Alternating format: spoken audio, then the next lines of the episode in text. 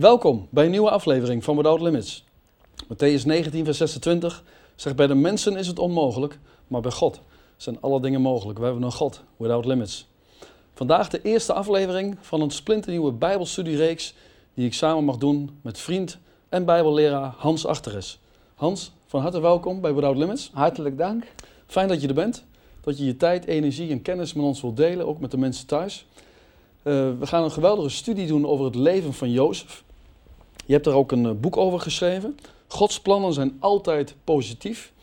Uh, 16 rijke studies over het leven van Jozef. Waarom een boekje hè, over Jozef?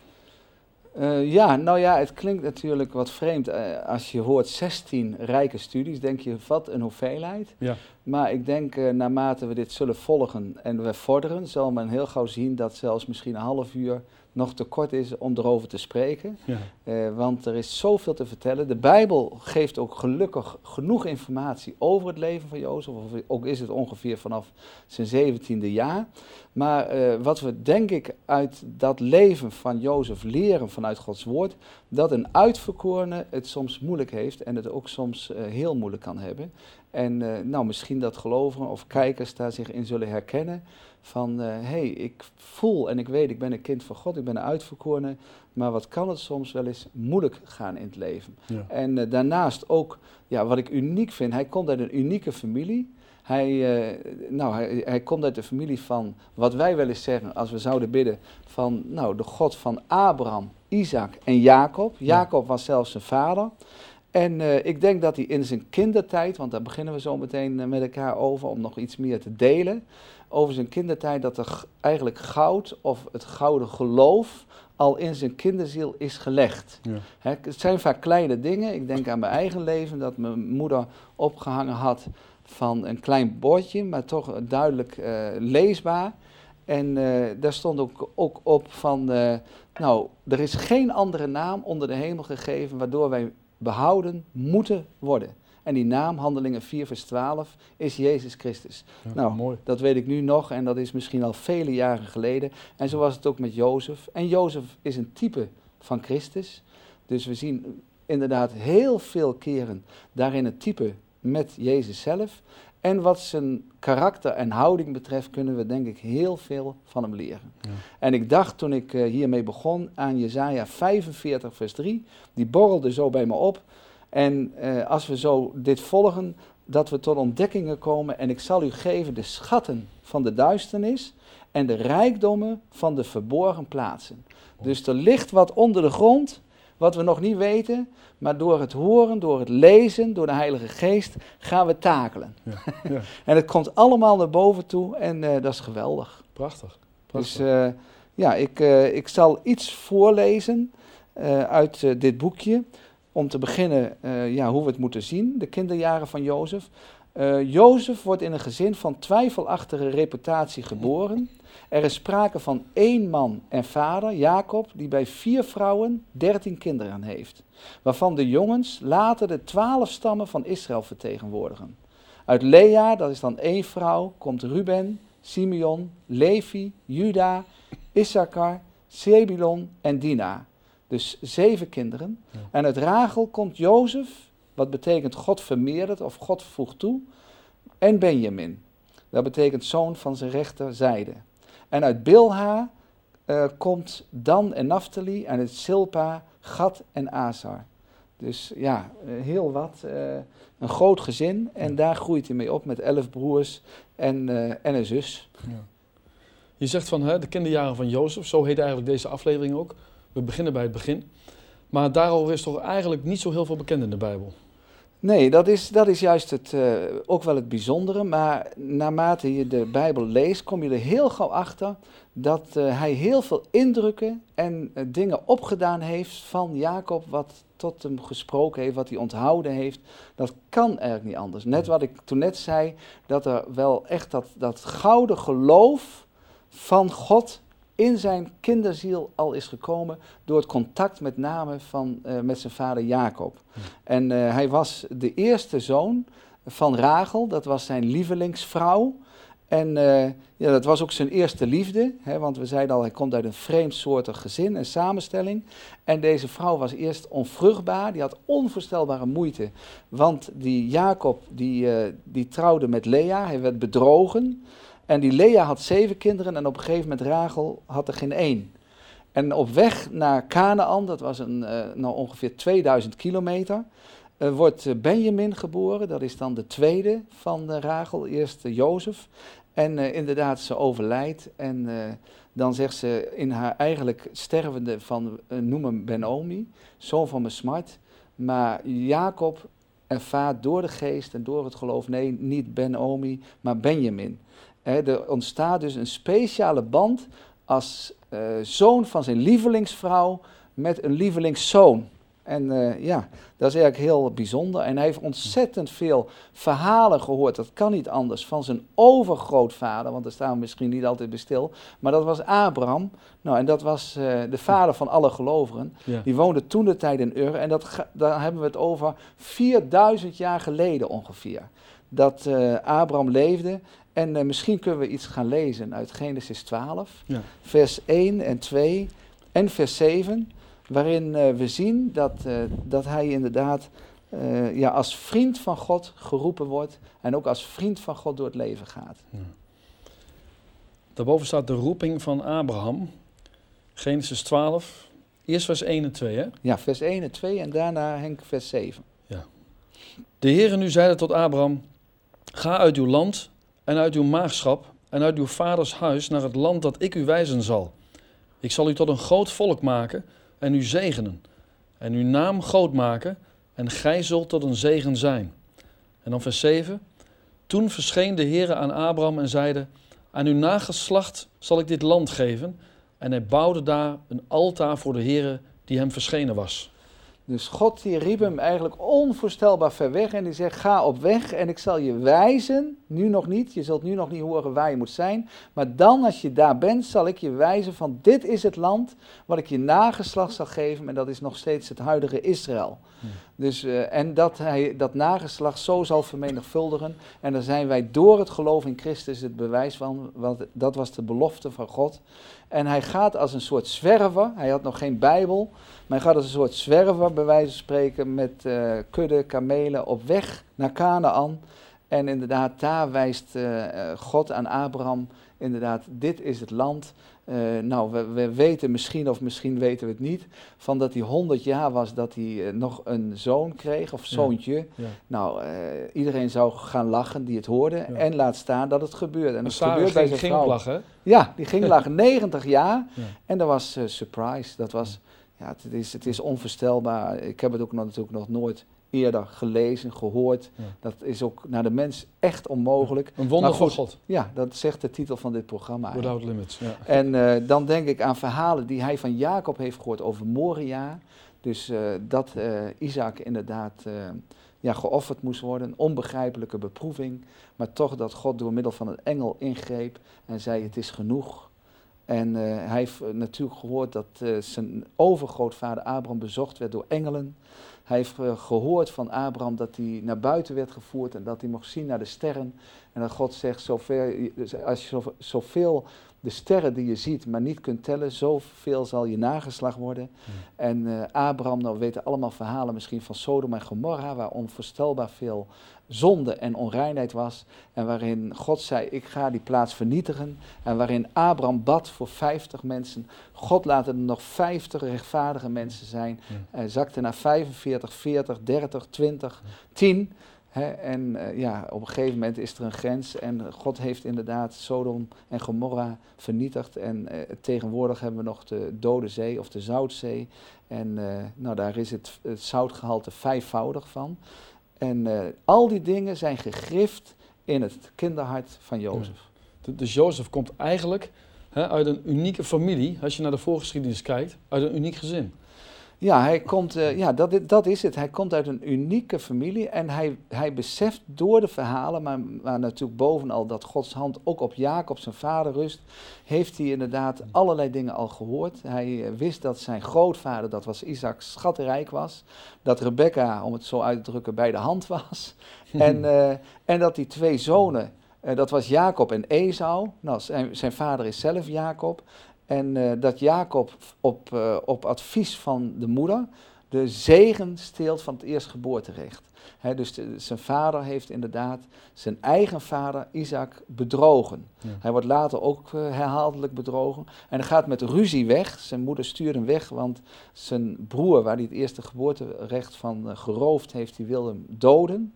En er ontstaat haat natuurlijk. Hij moet vluchten, 700 kilometer verder. En terwijl hij op weg is, uh, ja, dan is daar die ladder van God.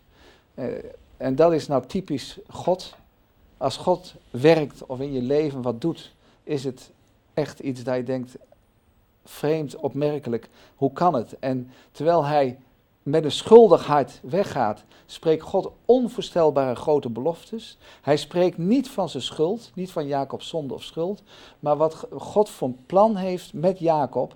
En uh, ja, Jozef heeft het allemaal gezien. Jozef heeft uh, gezien, ook als kind, dat hij heeft gestreden met God en dat de volgende dag tot op het moment dat hij natuurlijk oud is en zelfs overlijdt, Jacob elke dag mank door het leven moet gaan. Dus hij heeft gezien, hé, hey, dit is mijn vader, dat is een geroepene, dat is iemand inderdaad die God, door God is bezocht. En Jacob krijgt de naam Israël. Nou ja, dat is, uh, dus je kunt wel nagaan, speciale familie, speciale historie. Uh, ja, dat, dat, uh, dat is heel bijzonder. En Rachel, nou ja, dat was een lievelingsvrouw, dat was een knappe vrouw. En ze heeft lang gewacht, toen kreeg ze Jozef. En ja, ik denk dat zij wel duizend keer tegen Jozef heeft gezegd als moeder dat ze ontzettend blij met hem was. Ik denk dat, dat hij ook wel op haar leek. Het staat ook duidelijk in de Bijbel. Hij was een knappe jongen. En, je zegt, ze had lang gewacht. Ja. Wat bedoel je daarmee? Nou, zij was onvruchtbaar, staat in de Bijbel. En ze was jaloers op haar zus, die eigenlijk van haarzelfde man zeven kinderen had die eigenlijk door bedrog dat tot stand kwam, maar daaruit vloeide wel een huwelijk, om het zo uit te drukken. En uh, ja, dat zie je ook bij God, uh, dat God zich bedient van, van hele bijzondere wegen. Want als we nagaan, uh, nou, Sarah, die was onvruchtbaar, Rebecca was onvruchtbaar, Rachel was onvruchtbaar. En God had daar allemaal beloftes op gelegd, jouw nageslacht die zal ik zegenen. En ik zal vermenigvuldigen. Kijk naar de sterren, de, de, de, de zand van de zee en de sterren in de hemel. Ja. En uh, ja, we kunnen zo nagaan dat, dat Jacob inderdaad een soort compensatie zocht toen zijn vrouw vroeg was overleden, dat hij in Jozef ergens zijn lievelingszoon zag. Dat, dat staat er ook duidelijk. Voor ons eigenlijk vreemd, want zijn broer kreeg een hekel aan hem, gingen pesten, die vonden hem verwend jongetje. Uh, ja, Jacob liet inderdaad zijn voorkeur wel gelden. En als je kijkt naar, als je het hebt over een voorkeur, uh, maar de voorkeur voor een bepaald kind hè, in, in één gezin, is dat niet gevaarlijk? Hè? Dat vraagt toch eigenlijk om problemen? Ja, ik, uh, dat is ook zo. Dat, uh, ja, ik denk dat dat, dat dat normaal gesproken ook zeker zo is. Jacob die was natuurlijk wel gelovig, Jozef was gelovig. Je merkt in het hele verhaal door het leven heen dat de broers van Jacob geen interesse hebben in geestelijke dingen. En misschien dat het daardoor ook is ontstaan. Hij heeft iets bijzonders bemerkt bij, bij Jozef. En er ontstaat een bijzondere liefdesband. Maar zoals we weten in de praktijk van het leven geeft dat problemen. Ja. Nou, ik heb eens een keer uh, gehoord dat een vrouw thuis kwam. En die had twee uh, kinderen van ongeveer 15 en 18 jaar. En de ene trok ze enorm voor en dat was haar lieverd. En toen ze thuis kwam, he, gewoon van boodschappen doen. En toen dacht ze, hé, hey, er is toch één thuis. Ze dacht dat niemand thuis was. En toen schreeuwde ze naar boven, want ze hoorde daarboven gerommel. Zeg, hé hey, lieverd, ben jij het? En toen antwoordde dat, dat meisje, nee, ik ben het. Ja. ja. Zo kan het gaan. We ja. kunnen heel gauw inderdaad dingen doen die onverstandig zijn. En uh, ja, Jacob heeft dat denk ik met goede bedoelingen gedaan, maar dat gaf wrijving. Ja. en, uh, en ja, Jacob heeft daarnaast natuurlijk ook zijn eigen leven verteld aan Jozef. Ik denk dat hij zijn hart helemaal heeft opengesteld voor Jozef, omdat hij bemerkte dat deze jongen een bijzondere jongen was. Uh, dat uh, hij een nakomelingetje was, min of meer. Maar hij zag ook de duif van God op het leven van Jozef. En, en, Jacob heeft verteld eerlijk van zijn ruzie, van zijn bedrog, dat hij berekenend was. Hij ging later naar zijn oom uh, Laban toe dat, uh, dat Jacob ook soms doodsbang was. Ook uh, toen hij op een gegeven moment de jaren Esau moest ontmoeten. En ook deze jonge Jozef heeft met zijn moeder, toen die Esau ontmoette, terwijl er dus een onvoorstelbare ruzie was geweest, en elkaar eindelijk ontmoeten ze elkaar, Jacob en Esau, dat ook die kleine Jozef met zijn moeder toch geknield heeft voor Esau uit eerbied, maar ook voor respect. En uh, dat was toch, daar was toch op dat moment door Gods werking een verzoening. Dus deze uh, kleine Jozef heeft absoluut al dingen en gehoord en gezien en meegemaakt, absoluut. Maar het was wel de oogappel van Jacob, terwijl Ruben de eerstgeborene was. Ja. En, en, hoe moeten wij daarmee omgaan? Hè? Als iemand, je had het over een duif, hè? Als, als, als Gods duif op iemand is, als iemand een bestemming heeft, hoe moeten we daarmee omgaan? Ja, ik denk dat Want er zou gauw bijvoorbeeld jaloezie kunnen komen. Ja, ik, ik denk dat, dat uh, als gelovige vader, om het zo uit te drukken, dat je altijd te wijs mee om moet gaan. En dat je altijd afwachtend moet zijn. Maar ook inderdaad, het kan zelfs zo wezen dat je in je hart en je leven ervaart ten opzichte van de anderen een geweldige eerbied. we weten allemaal van Johannes de Doper, die op een gegeven moment door de Heilige Geest ziet dat er onder de mensen is daar Jezus. Jezus Christus. En hij zegt, zie het lam van God. Ik ben niet waard om inderdaad in zijn schoenen te gaan. Om zijn schoenriem los te maken. En noem maar op. Ik ben het niet waard. Ik ben niet waard. Ik ben niet waardig. En uh, hij zag inderdaad die duif op het leven van Jezus Christus. Jezus, inderdaad toen de tijd nog, om het zo uit te drukken, een zoon van een timmerman. Maar zo kan het soms ook in een gezin gaan. En ik denk, als wij uh, dat zien, dat er dankbaarheid is dat er eerbied is, dat er gebed is, maar bovenal ook een geestelijk opmerkzaam oog. God, wat bent u met deze jongen? Wat bent u met dit meisje? Wat bent u met deze baby van plan? Wat zal er van hem of haar worden? Ja. ja. ja. Dus dat, uh, ik denk daarnaast, als we misschien kunnen lezen, Genesis 35, vers 9, 10 en 11. Dat, dat er ergens ook nog een geheim ligt van Jacob. Waarom hij zo in het bijzonder Jozef eigenlijk, om het zo uit te drukken, voortrok. Genesis 35, vers 9, 10 en 11? Uh, eh, ja, de, de Genesis 35, vers 9, 10 en 11, Henk. Oké. Okay. Daar staat... En God verscheen wederom aan Jacob bij zijn komst uit Padam Aram en zegende hem. En God zeide tot hem, Gij heet Jacob, gij zult niet meer Jacob heten, maar Israël zal uw naam zijn. En hij noemde hem Israël. En God zeide tot hem, ik ben God, de Almachtige. Wees vruchtbaar en word talrijk. Een volk, ja, een menigte van volken zal uit u ontstaan. En koningen zullen uit uw lendenen voortkomen. Dus hier zie je dat God zegt tegen Jacob: Koningen zullen uit uw lendenen voortkomen. Nou, Jozef was inderdaad uit hem voortgekomen. En hij zag vanaf de geboorte en in het opgroeien, deze jongen, daar rust de geest van God op. Op deze jongen rust de duif van God op. Deze jongen heeft God een bestemming voor, want uit die lendenen zullen zelfs koningen voortkomen. En dat ging hij inderdaad accentueren door middel, toen hij ouder was, maar daar krijgen we het nog over, een, een, een veelkleurige mantel. Nou ja, dat steekt, dat steekt bij die broers die natuurlijk herdersmensen waren, herdersjongens.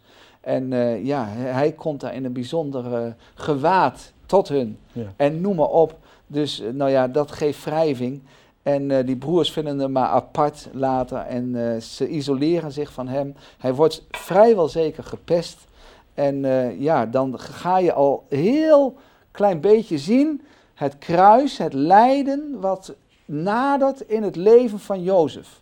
We worden soms inderdaad getest. We, de God laat inderdaad bemerken van, nou, dat zal, als je mijn kind bent, mijn uitverkorene, ik heb een roeping op je leven, dan zul je bemerken, dat gaat niet vanzelf. Het gaat soms door de moeite heen, soms, om het zo uit te drukken, door de modder heen, maar de Heer komt wel tot zijn doel. Van kruis naar kroon. Ja. Maar moet je eigenlijk als, als uitverkorene of, of geroepene, uh, altijd de weg van het kruis gaan, hè, met, met, verdriet en, en, isolatie en onbegrip en pijn? Nou, ik denk natuurlijk bovenal, wij hebben nu Jezus en Jezus zegt, mijn last is licht en mijn juk is zacht. Dat Christus heeft alles volbracht.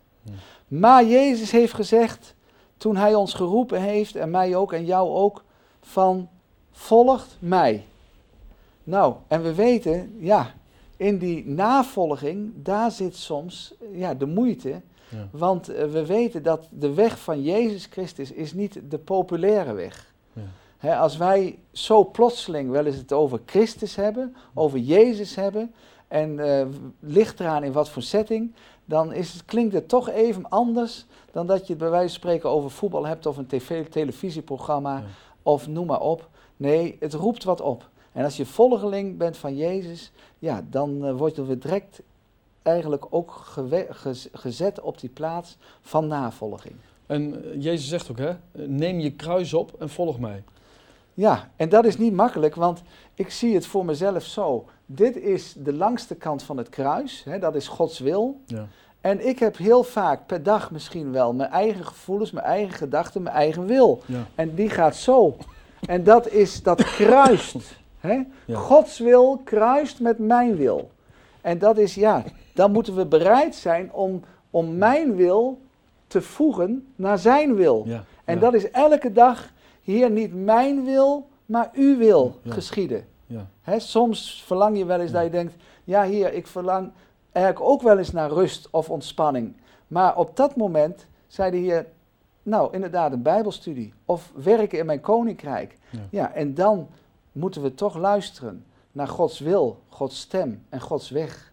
Hè, dus soms kruist dat Ja. met je eigen gevoel, met je eigen verlangens, je eigen interesse. En dat hoeft nog geen eens verkeerd of zondig te zijn. Ja. Maar de Heer zegt, ik heb gezegd, volg mij. We moeten altijd zien dat kleed van Jezus Christus voor ons. Zeggen, Heer, inderdaad, ik zie uw mantel, ik zie uw kleed. En ik ben bereid u te volgen. Door alles heen. Prachtig. Dat is niet altijd makkelijk, maar de Heer vraagt het wel. En ik denk op de achterhoede, hè, terwijl er die strijd zich al ging af, afspelen bij Jozef, is hij aanwezig. En soms kan het wel eens wezen, waar ik net over spreek, dat je denkt, ik snap er geen fluit van. Maar de Heer heeft daar wel een bedoeling mee. Hij zegt, hij is met ons begonnen, hè, want eh, ja, dat er staat ergens, meen ik van, waar hij aan begonnen is, zal hij ook afmaken. Ja, hij zal het ook voleindigen. Hij zal het voleindigen tot de dag van Christus. En wat ik altijd zo mooi vind, hij is de beginner van ons geloof. Hij is de onderhouder van ons geloof.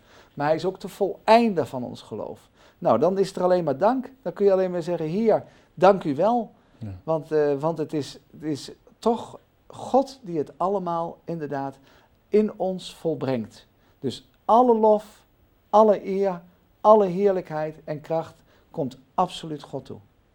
Ja. Ook kan het wel eens duister zijn, hè, eh, maar er komt altijd na elke nacht, ook is die nog zo donker, komt de dageraad. en de Heer is onze dageraad. Hij is onze morgenster. Ja. Dus hij komt om de hoek. Ook kan het wel eens dat je denkt van, nou, inderdaad, ook bij Jozef, nou dat gaan we uitvoerig met elkaar nog hebben, want er komen nog 15, 15 lessen. Maar de Heer kan soms zo inderdaad je treffen, om het zo uit te drukken, met een hemelse bliksem. Ja. En dan vergeet ik nooit meer van een man die mij vertelde dat hij een eind aan zijn leven wou maken. Hij was er al lang mee bezig. En het was, schat ik wel, 40 jaar geleden. Ik ken hem goed, ik ken hem persoonlijk. En eh, toen die dag wou, middag wou hij, of die dag, een eind aan het leven maken. Maar door omstandigheden moesten zijn kinderen mee. Hij reed in de auto, hij zou het natuurlijk niet doen omdat zijn kinderen mee waren. Maar hij had wel het voornemen. En hij reed in de buurt van de IJssel, bij Zalk. En hij vertelde om vier uur 's middags, hij was niet echt gelovig, hij was niet met God bezig. Hij had geen biddend leven, maar noem maar op. Hij had één overtuiging, hij had een problematisch huwelijk en andere dingen die hem tegenzaten. Ik meen dat hij ook een zwaar ongeluk gehad had, dat hij zelfs gedeeltelijk verlamd was, maar hij kon wel autorijden.